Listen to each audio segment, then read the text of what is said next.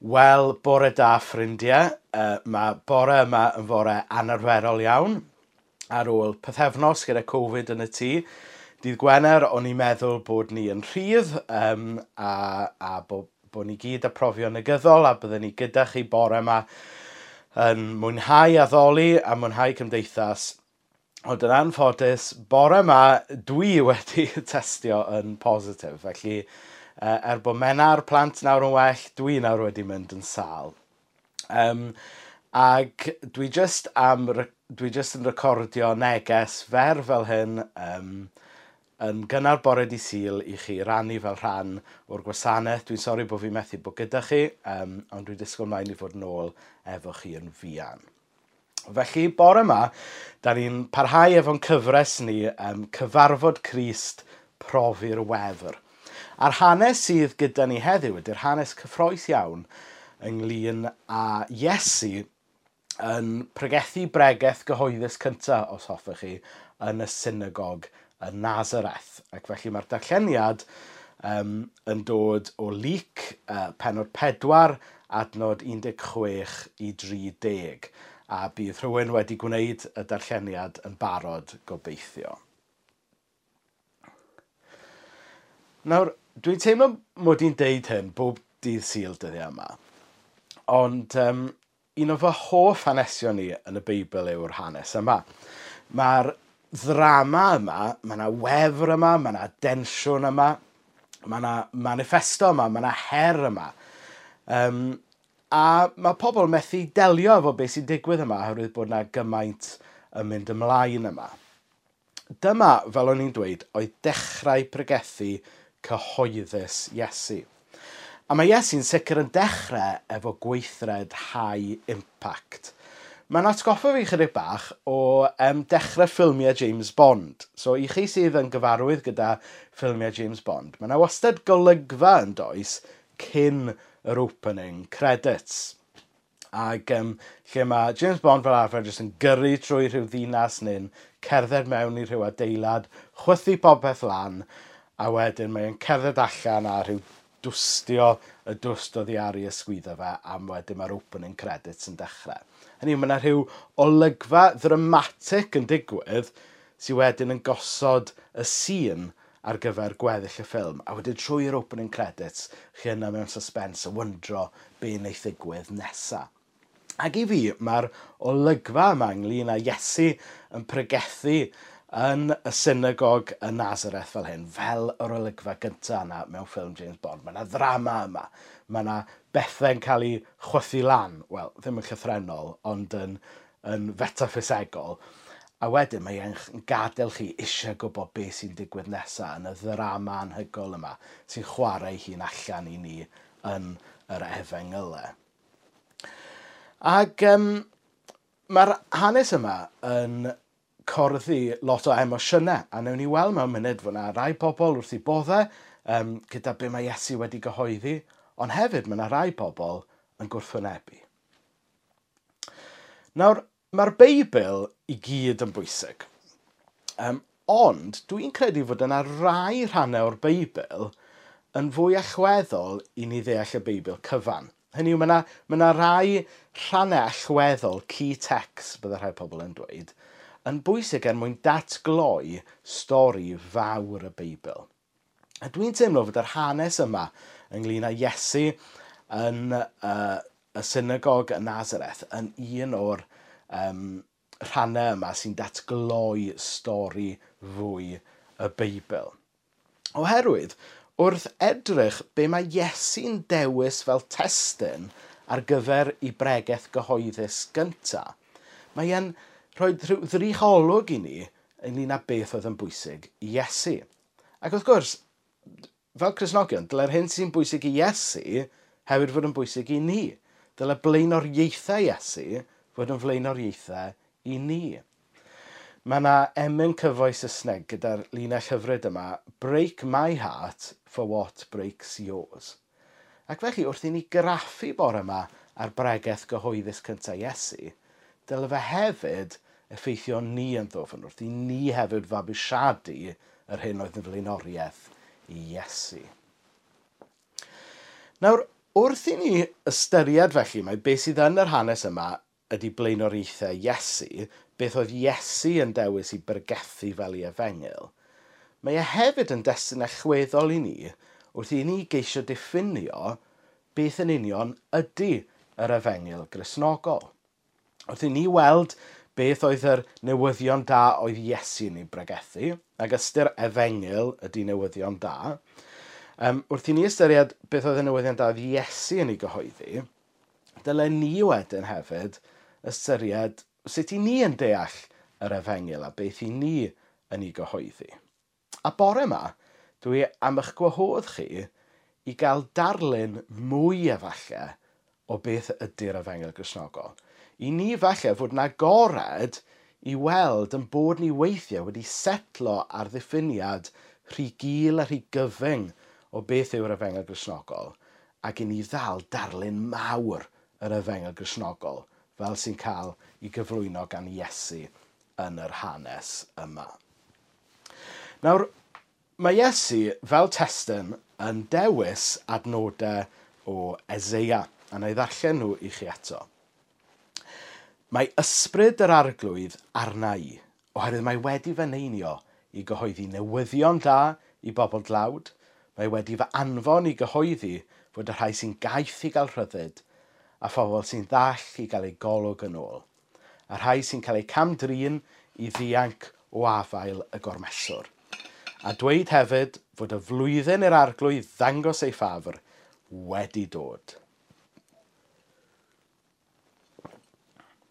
A wedyn, mae'n mynd mlaen i ddweud, mae'r geiriau yma o'r ysgrifau sanctaidd wedi dod yn wir heddiw.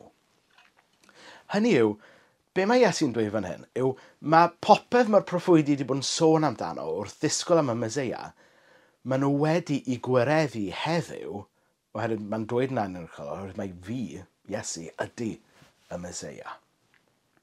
Mae'r newyddion da yr efengil grisnogol bellach wedi ymgnawdoli a dod i'r ddeiar yn Iesu Grist.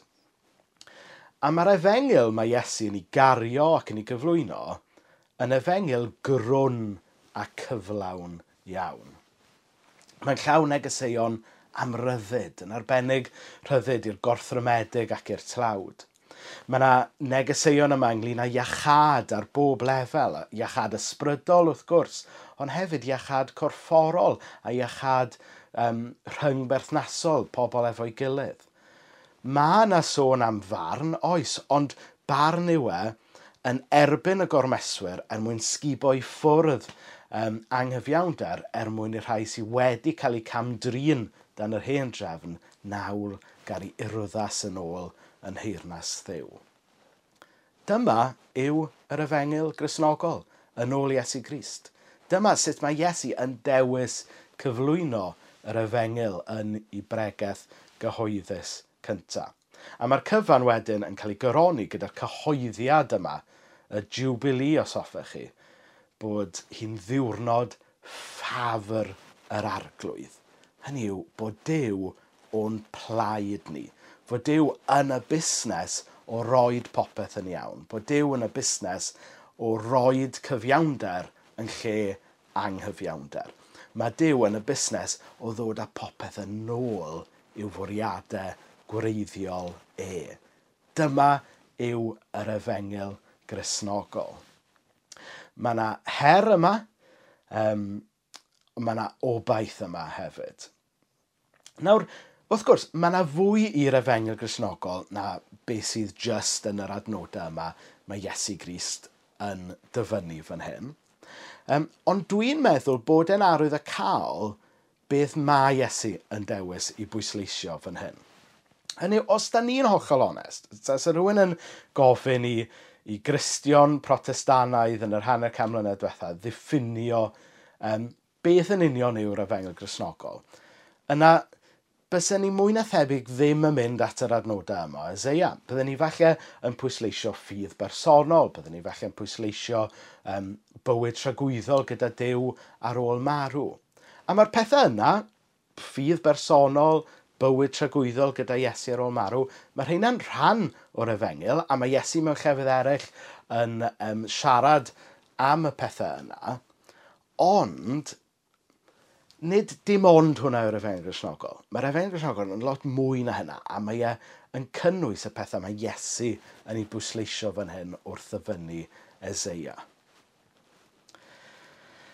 Nawr, mae'r newyddion da sy'n cael ei gyflwyno yn yr hanes yma, yn newyddion da.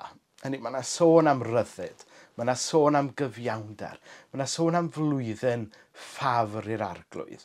Mae hwn yn newyddion da. Oedd hwn yn newyddion da i fyd toredig yn amser y Beibl. Mae hwn yn newyddion da i fyd sydd wedi blino heddiw. Ond beth sy'n ddiddorol yn yr hanes yma yw bod yr hanes yn dechrau efo Iesu'n cyhoeddi'r newyddion da anhygol yma, ond mae'n gorffen gyda'r dorf um, y Nazareth yn troi yn erbyn Iesu a bron a'i daflu fe oddi ar y clogwyn. Felly'r cwestiwn yw, siwrd mae newyddion mor dda yn cael ymateb mor wael? Be sy'n mynd mlaen fan hyn? Be sy'n bod gyda pobl Nazareth? Nag o'n nhw eisiau hyn? Wel, er mwyn deall beth sy'n mynd mlaen fan hyn, mae rhaid ni graffu rhywfaint ar y manylion. Mi oedd pobl Nazareth, o'n nhw wedi deall y newyddion da, ond o'n nhw hefyd wedi deall bod Iesu yn dweud fod y newyddion da yma nawr y newyddion da i bawb o bell ag agos. So oedd pobl Nazareth wedi deall y newyddion da, ond o'n nhw ddim yn hapus fod Iesu'n cyhoeddi fod y newyddion da i bawb, nid dim ond iddyn nhw. So yn yr hanes, mae Iesu'n mynd mlaen i ddweud bod e fel y proffwydi gynt, a mae'n cymharu hunan gyda Elias um, nath ddod at y wraig um, o Zarafeth, gwraig oedd ddim yn un o bobl ddiw yn ei hamser hi. Wedyn mae e'n cymharu hunan gyda Eliseis, nath Iachau Naman, um, y Syriad, eto rhywun oedd ddim yn un o bobl ddew. A wedyn, yn ei ddydd fan hyn, mae Iesu'n cyhoeddi fod y newyddion da yma nawr ar yn agored ac ar gael i'r ddynoliaeth gyfan Nid dim ond i bobl ddiw yn draddodiadol. Ac felly, mae pobl yn offended iawn gyda inclusivity yr efengil grisnogol. A chyfo be, dwi'n meddwl bod hwnna yn heriol i ni hefyd. Yda ni falle wedi setlo ar ddiffiniad rhy fach o'r efengil grisnogol.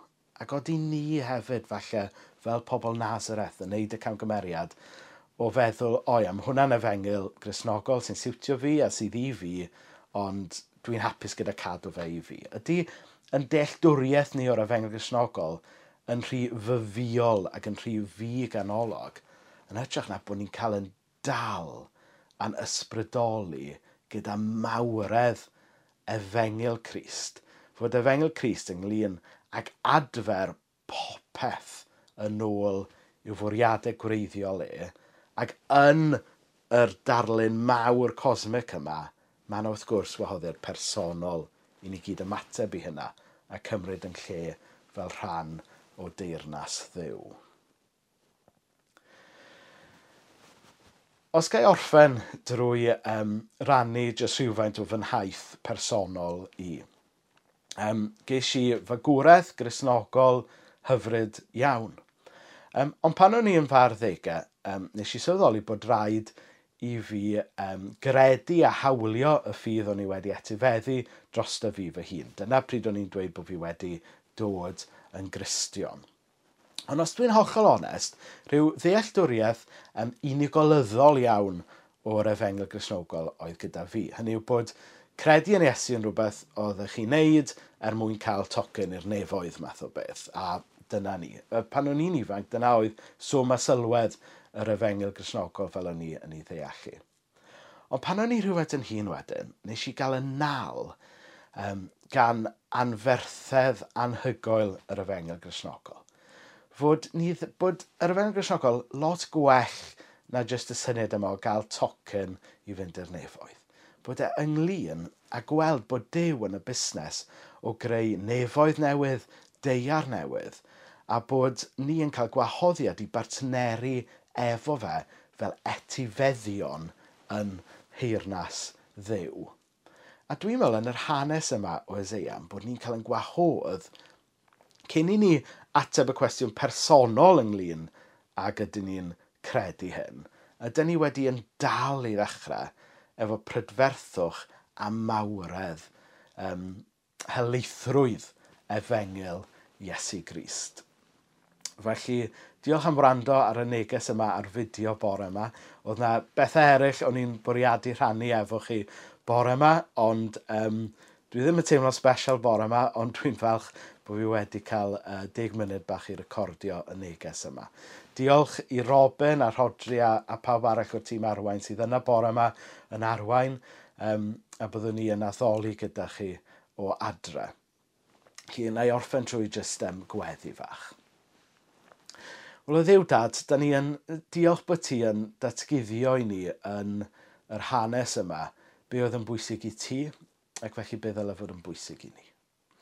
I ni'n diolch o ddew dad fod ti'n siarad am rhyddid ac i unrhyw un o ddew dad sy'n teimlo caethiwed o unrhyw fath ar hyn o bryd. Caethiwed mewn rhyw sefyllfa, caethiwed pechod falle, um, neu caethiwed perthynas, neu beth bynnag yw e, i ni'n gofyn i rhydded wyt ti yn cyhoeddi um, fod yn wirionedd mae rhywun yn ei brofi bore yma.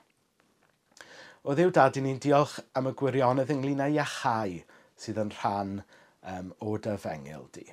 Os oes rhywun eisiau profi iachad ysbrydol heddiw o ddiw dad yna, gadw nhw gyflwyno'r pethau yna. Y, y beia yna falle, yr, yr brywiau yna wrth dy groes di bore yma. Ond hefyd oedd i'w dad, os oes rhywun yn sal yn gorfforol, i ni'n gofyn um, i ti cyffwrdd nhw um, a, a dod a dydd iachad iddyn nhw heddiw. Ond o fwy na dim o ddiw dad, ni'n gofyn i ti helpu ni gyd o ddiw dad sylweddoli bod hi'n flwyddyn ffafr yr arglwydd a bod ti yn ddiw sydd o'n plaid ni. O ddiw dad maddau ni am gael dealltwriaeth um, rhy unigolyddol o'r efengel grisnogol a helpa ni bore yma i gael yn gwefryddio gyda mawredd dy fengil di, fod ti yn y busnes o adfer y greadigaeth gyfan. Ac yn y darlun mawr yma, wyt ti'n rhoi gwahoddiad a lle personol i bob un ohono ni. Amen. Pob end ffrindiau.